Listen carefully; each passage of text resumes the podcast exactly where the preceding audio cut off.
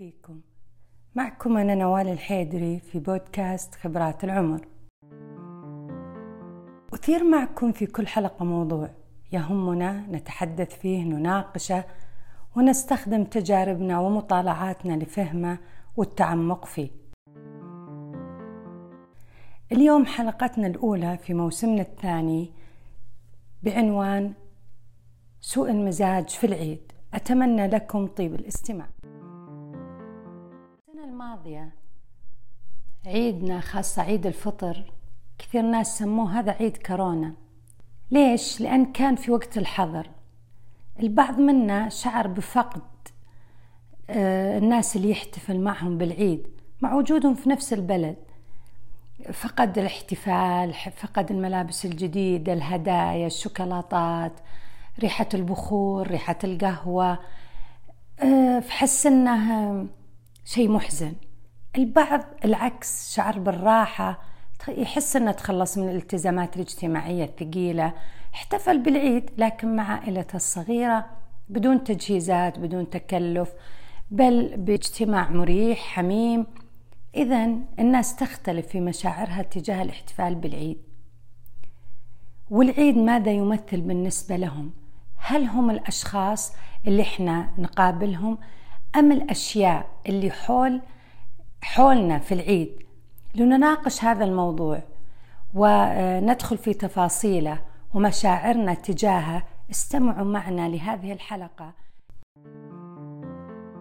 اختار الناس منذ القدم أيام يسترخون فيها من التعب ومن العمل عشان يجددون النشاط ويستعدون حيويتهم. فنشأت تلك الأعياد في أيام من السنة معلومة.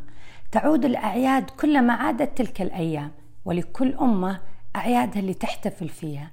فإحنا لنا عيدنا الفطر وعيدنا الأضحى. نحتفل فيهما على تمام فرض من فرائض الإسلام. وهو سمي عيد لأنه يعود كل سنة بفرح متجدد مفروض. ولكن هل الجميع لديه الشعور بالفرح المتجدد كل سنة؟ اللي إحنا نلاحظه لا. بعض الأشخاص يشعرون بشعور غير مريح في أيام الأعياد.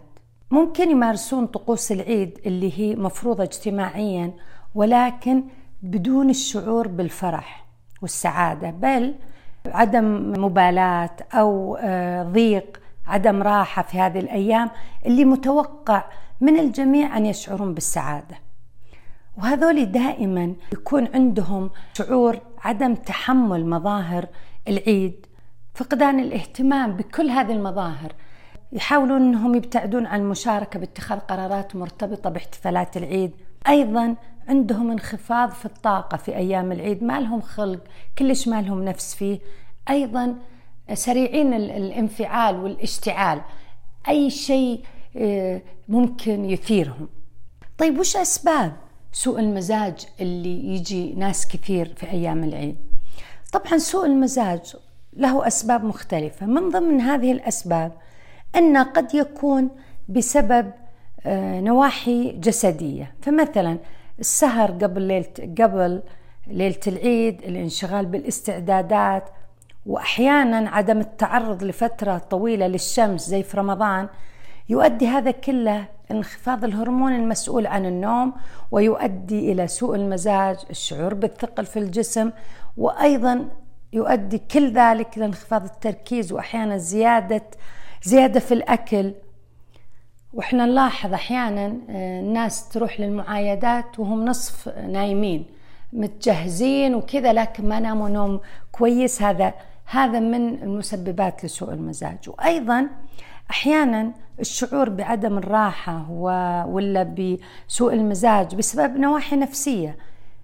أحيانا في بعض الأشخاص يميلون للانعزال الاجتماعي والعيد بما أنه عيد جماعي عيد يكون فيه فعاليات اجتماعية وأهمها الاجتماع العائلي. في ناس يتخوفون من مقابلة الناس حتى لو كانوا من عائلتهم.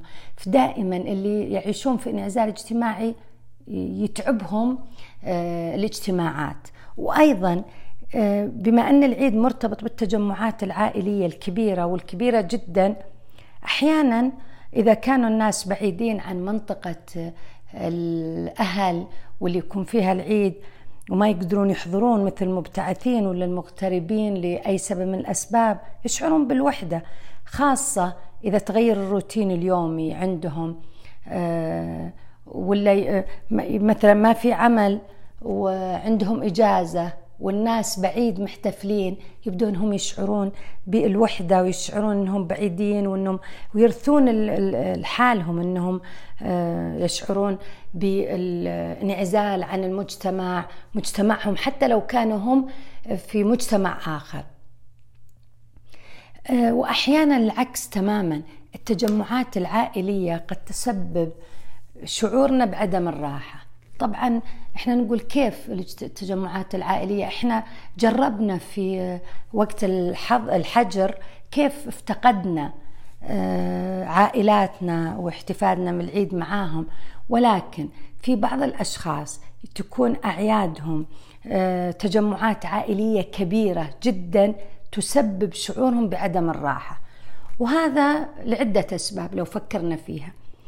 اولا التداخل العائلي. قد تسبب فترة الأعياد ظهور توترات قديمة للأشخاص من العائلة ما نراهم كثير إلا في الأعياد وتظهر هذه التوترات القديمة إذا تكلمنا معهم ولا تقابلنا معاهم. أحيانا قد يتجاوزون الحدود يتكلمون بأمور ما نحب إحنا نتكلم فيها آه، أو يسألون أسئلة شخصية يطلبون معلومات خاصة. أسئلة محرجة. ليش سويت كذا؟ ما مفروض إنك تصرفت كذا. واحيانا آه، أسئلة يعتقدون إنها آه، من الميانة إني أسألها. ليش أنت سمنت؟ ليش أنت ما تزوجت؟ ليش أنت ما جاك عيال؟ آه، ليش ما زوجت عيالك؟ ليه ما جاك أحفاد إلى الآن؟ ليه ما سكنت بيتك؟ كل أمور يعتقدون إنها بسيطة وسهلة وهي ممكن تسبب عدم راحة للآخر.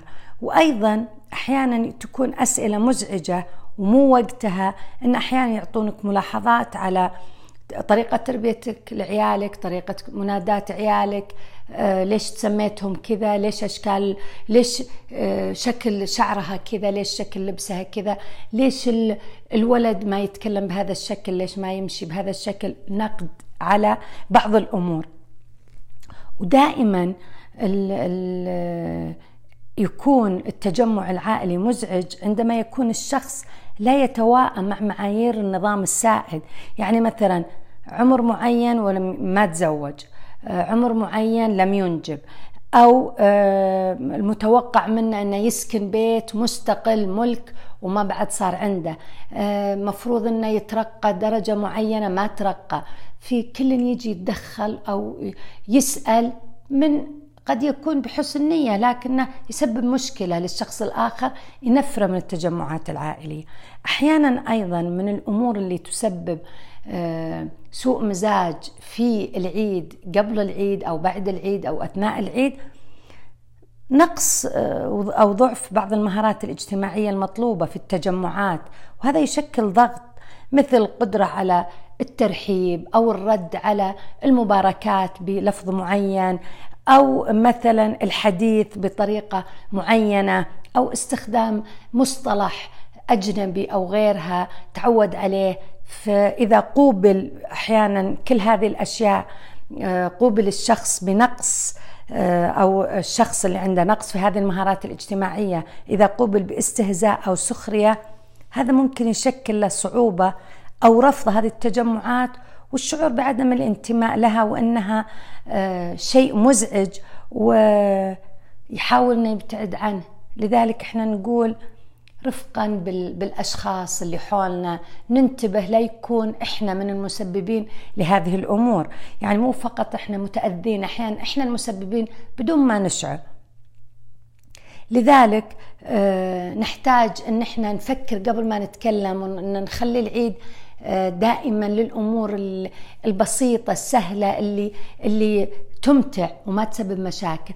أيضا من الناس اللي يعانون من سوء المزاج ولا من اللخبطة هم آه، الأشخاص اللي متزوجين حديثا.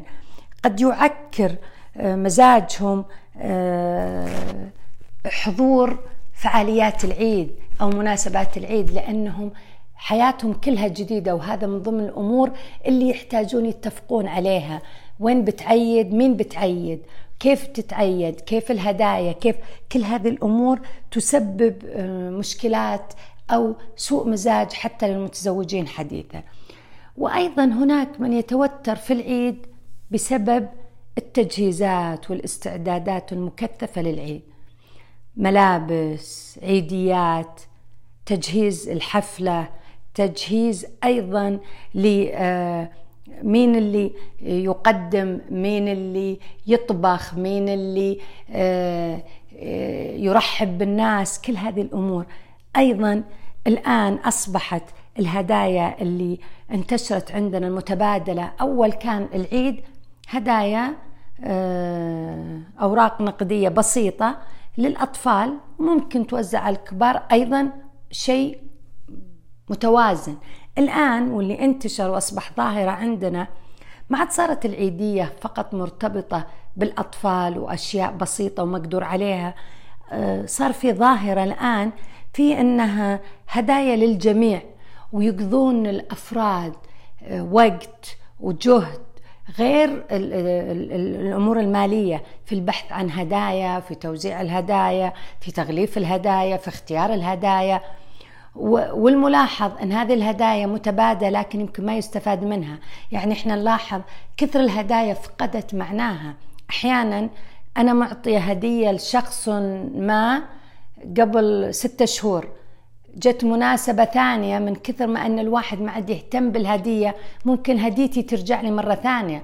لأن الشخص ما كان يحتاجها ولا شافها من كثر الأشياء اللي عنده. ويوم فكر أنه بيهدي أحد خذ من الهدايا الموجودة عنده وارسلها للأشخاص الآخرين. وكثير منا تحصل. إذا الهدايا أصبحت ملزمة وهي ليست دائما شيء مريح للأشخاص. كلما تبسطنا في أمور الهدايا وهي مي بهدايا هي عيديات والعيديات على أساس إنها تفرح ما تسبب مشكلة ولا تسبب أزمة ولا تسبب مقارنة. آه انت شريت لي كذا أنا بشتري لك بكذا انت أعطيتني كذا أنا بشتري حتى لو ما قلناها لكن هذا الهدايا الملزمة انها يعني لابد إني أعطيك. وهي تشكل ضغط للجهد بكل أنواعه. حتى طريقة التقديم صار فيها مقارنات. وفيها تبرز هذه الهدايا والمناسبات الاجتماعية والتصوير. صاروا الناس يضعون أشياء كثيرة عشان عملية التصوير آه، تكلف وتتعب. فيها والهدف منها مفروض إنه يكون تقارب مو الهدف منها تنافر وتنافس. في هذه التجهيزات تبرز الاختلافات بين حتى الأقارب بين الأخوة والأخوات بين الناس القريبين حتى من بعض. صار المقارنات في المستوى الاقتصادي في في مستوى طريقة الذوق في التقديم في غيرها. وهذا يشكل ضغط بين الناس بشكل كبير. أيضا عندما يشتركون الأقارب الأخوان الأخوات عيال العم عيال الأخت عيال في احتفال معين أيضا يصير في مشاحنات وتظهر في اختلافات وجهات نظر تشكل أيضا ضغط. في من يريد الحفل اللي بيشارك فيه باذخ ومتكلف وفيه من يريد حفل هدفه فقط تجميع الناس والراحة وعدم المبالغة. وهنا يبدأ يحصل فيها اختلافات. بدل ما يكون العيد راحة يبدأ يكون العيد آه، مسبب للنفور ومسبب للتعب والضغوط بين الناس. أيضا من الأسباب اللي تشعر البعض بكآبة العيد وسوء المزاج في العيد الشعور بالإجهاد بعد كل الأشياء اللي سواها. يشعر بالإجهاد ضيق الوقت كثرة الالتزامات عدم القدرة آه، على السيطرة على الوقت آه، بسبب قلة النوم وأثره على كل شيء. قد يؤثر أيضا هذه اللخبطة كلها على تقبل بعضنا البعض تحمل بعضنا البعض. تعرفون شلون تأثير النوم ولخبطة الأكل سواء قل الأكل أو أو كثرة الأكل. النوم ولخبطة النوم كل هذا ياثر على المزاج وفي التعامل مع الآخرين. أيضا من أسباب سوء المزاج أيام الأعياد اللي هي أحيانا أن العيد يكون آه، وقت للتأمل. ويبدأ الشخص يفكر العيد اللي فات كان كذا وضعي وكنت مقرر أسوي كذا. والعيد اللي فات كنت عندي خطة معينة. جاء العيد ما سويت شيء ولا سويته ما صار بشكل صحيح. كنت أتأمل عمل ما متطور ما عملته. إذا قد يكون هذا الوقت وقت العيد زي محاسبة النفس. هل أنجزت؟ هل أنا سويت اللي أنا قررته؟ هذا يزيد وقت الأعياد لأنها وقت إجازة. فراغ ما يوجد روتين. يساعد هذا أن الإنسان يقعد يواجه نفسه وأحيانا يقسو على نفسه مع أنه وقت العيد مو وقت عش اللحظة مو وقت محاسبة الذات. أيضا من أسباب سوء المزاج في العيد أحيانا ذكريات مؤلمة ترجع لنا حدثت أيام الأعياد. قد تكون في أيام الطفولة قد تكون في المراهقة قد تكون في الشباب قد في أي وقت ذكريات رجعت لنا قد تسبب لنا مشاعر غير جيدة. أيضا آه، ولأن أيام الأعياد المتعارف أنها أيام فرحة فإحنا نرفع سقف توقعاتنا.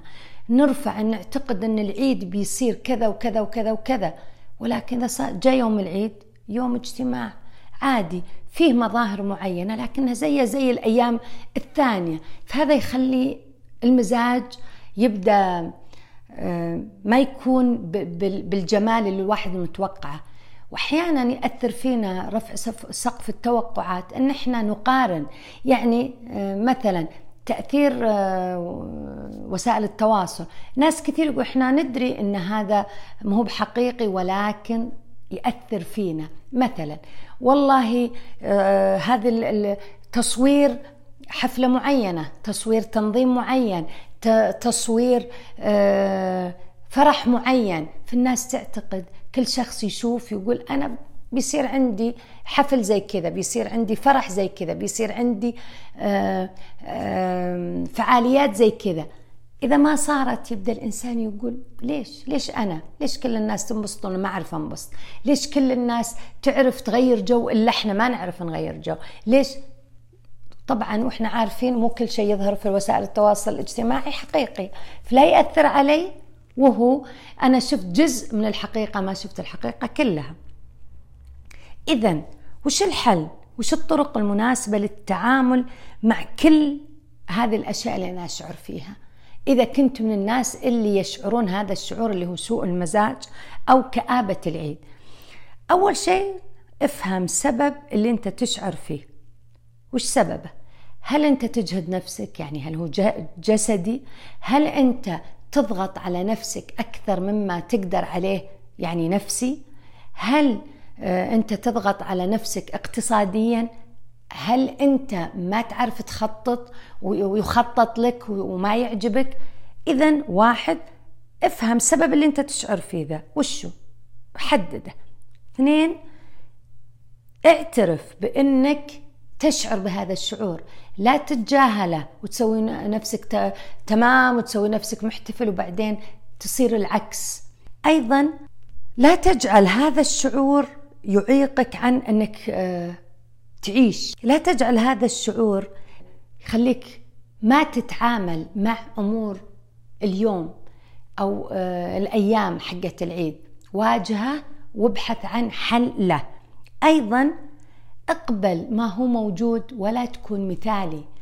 الواقعية تخليك تشوف بعيونك إن البشر مو بكاملين وأنت مو بكامل ومشاعرك هذه فندها وواجهها وتعرف عليها واعرف سبب اللي انت تشعر فيه. أيضا نحتاج إن إحنا نتدرب على المرونة النفسية اللي هي تبين نضجي النضج في الشخصية وإن الإنسان قادر على إنه يتأقلم ويتجاوز الصعوبات وينظر نظرة إيجابية ويوازن بين اللي يشعر فيه السلبي وبين الواقع انه أشعر هذه المشاعر مي مشكلة إني شعرت فيها ولكن أعرف أتعامل معها. أيضا آه، إحنا قد ننزعج من سؤال أو ننزعج من آه، تدخل. الانزعاج ما في مشكلة آه، ولكن لا تخلي هذا الانزعاج يعيقك عن ممارسة الحياة اليومية وخاصة في وقت احتفال وقت مفروض انه فرح لا يعيقك ولأن يأثر عليك وعلى من حولك أيضا. أيضا لا تركز على ما يزعجك فقط. فكر أن في أمور إيجابية أيضا. أيضا أعط عذر للآخرين. تحمل مسؤولية نفسك وإسعاد نفسك وأن الآخرين مو كان مو هدفهم دائما التقليل من شأنك لكن يمكن أنت حللت بهذا الشكل. أيضا تذكر في كثير من حولنا يمرون بما نمر فيه من ضغوط ولكن يستطيعون تدريب أنفسهم على التأقلم وعلى قبول الاختلاف لأن الناس كلها ما تشبهنا وإحنا ما نشبه كل الناس. أيضا فكر وخطط بواقعية لكل المواقف اللي ممكن تحدث قبل ما تحدث. إذا أنت لم تخطط لما تريد ستخضع لخطط الآخرين بعدها تلومهم. أنت خطط وش بيحدث يوم العيد؟ نظم يومك آه نظم آه يوم قبل العيد على أساس تقدر تنام بسهولة. رتب الأغراض اللي أنت تحتاجها. حط ميزانية معينة للأمور المالية. آه، اعرف مين الناس اللي ممكن إذا قعدت جنبهم في العيد يزعجونك أبعد عنهم. آه، كيف ترد على كل رد أو على كل شيء ينقال لك أنت ما تبغى تتكلم فيه؟ كيف تكون لبق بدون ما تجرح الناس بس تحط حدودك الشخصية. أيضا حاول فهم الآخرين ليفهموك. استخدم مهارات التواصل المناسبة لكل آه، الأشخاص. الكبير له طريقة في التواصل الصغير له طريقة. المرأة الرجل الابن الأب الأم الابنة كل هذولي حاول تفهمهم قبل ما تنتظر منهم هم يفهمونك. أيضا من الأمور المهمة جدا أن نتقبل التغير التغير الاجتماعي في الناس في المظاهر والتغير سنة الحياة. الحياة ما تثبت ولا ما تصير حياة. أيضا لا تجعل الأحداث تمر بدون أنك ما تتعلم منها دروس. كل مناسبة ولا كل موقف حتى لو كان قاسي له جانب إيجابي نتعلم منه. تعلم كيف تتصرف تجاه كل أمر. لا تعتقد أن المشاكل ولا الصعوبات. العيد يمر في السنة مرتين والمظاهر اللي أنت تشتكي منها تنعاد كل سنة مرتين. لا تجعلها تتكرر الأشياء اللي تزعجك وتقول بتنحل من نفسها ولا أنا ببعد. البعد ما تجاهل البعد هروب. إحنا مهما بعدنا ومهما تركنا المكان عشان ما قدرنا نتاقلم مع الناس مو بهذا الشيء صحي. أيضا فمثلا ناخذ مثال عندي إذا كان الحديث عن ذكريات أحيانا إحنا نجلس في مجلس نعرفهم ناس من زمان ويكون الحديث عن ذكريات غير مريحة إني أسمعها أو إنها ممكن إنها آه، تحسسني مشاعر غير جيدة. دوري هنا إني ما أتفاعل ولا أتجادل مع الشخص اللي يتكلم أبعد عن الموضوع. إذا ممكن إذا هو شخص ممكن يسمع أقول له بطريقة لبقة أنا ما أحب أسمع هذا الموضوع وأسمع ممكن نتناقش في مواضيع أخرى وأذكره بأشياء أجمل لنا كلنا. إذا كان مثلا المواضيع نقد على لبسك نقد على شعرك نقد على تربيتك عيالك نقد على ليش ما سويت أو ليش ما قلت ممكن آه، انت تقتنع بينك وبين نفسك ان الناس مختلفة كل له نمط خليه هو يتكلم بدون ما انت تدخل آه، في نقاش ولا تتفاعل. يعني مهما كان إحنا نقدر نوقف الناس عند حدها بأدبنا بطريقتنا وبأسلوبنا إذا كانت أسئلة الشخصية جدا ومحرجة ممكن إنك تقول لا أنا ما أحب أحد يسألني هذا السؤال وشكرا. أيضا إحنا نتذكر أحيانا إحنا قد نكون سبب لسوء مزاج الآخرين. لذلك تذكر إنك ما تسرد قصص آه، محرجة للآخرين. أيضا آه، إن نتذكر دائما وننتبه وقت الأعياد مو وقت مناسب لنا نقدم نصيحة أو تعليق غير مناسب أو نقد ما ممكن الواحد يقدر يغيره. هذا مو بوقته. أيضا إحنا آه نتذكر دائما إن إحنا ما نقدر نغير الناس ولا نغير الأوضاع ولكن نقدر نغير أنفسنا. أخيرا ليس ما يفعله الآخرون لنا هو الذي يؤلمنا. في معظم الأوقات ردود أفعالنا تجاه ما يفعله الآخرين هو الذي يؤلمنا. لذلك غير رد أفعالك وليس أفعال الناس. وتسامح مع الآخرين ومع ذلك. لا تتجاهل المشكلات أو المشاعر وتنتظرها لتختفي لوحدها. ابحث عن الحلول. يقال اقرأ ما ينفعك ونضيف انتفع بما تقرأ وتسمع. فبعد أن تشاركنا المعرفة ندعوك لاستخدامها وتطبيقها. ونتمنى لك حسن الحال. معكم أنا نوال الحيدري في بودكاست خبرات العمر.